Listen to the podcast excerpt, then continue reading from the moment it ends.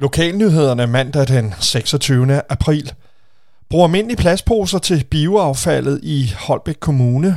Mange tror, at bionedbrydelige plastposer kan omdannes til biogas. Det kan de ikke. Bionedbrydelige poser tager længere en tid at nedbryde, men de bliver sorteret fra på lige fod med almindelige poser, og de frasorterede plastposer forbrændes og omdannes til varme og el.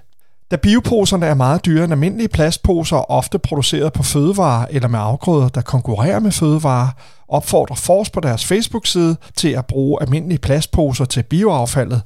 Et massivt flertal i Holbæk kommunalbestyrelse sagde i sidste uge nej til at lade en svensk kæde rykke ind i den tidligere Silvan-forretning i Holbæk Megacenter. Den svenske kæde står for store forretninger, der sælger et meget bredt udvalg af varer, men som Christian Alefeldt Auervig konstaterede det, er læbestift og pincetter ikke udpræget pladskrævende varer.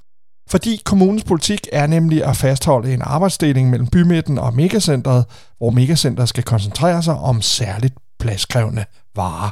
Og dermed, der rammer det svenske koncept altså ved siden af.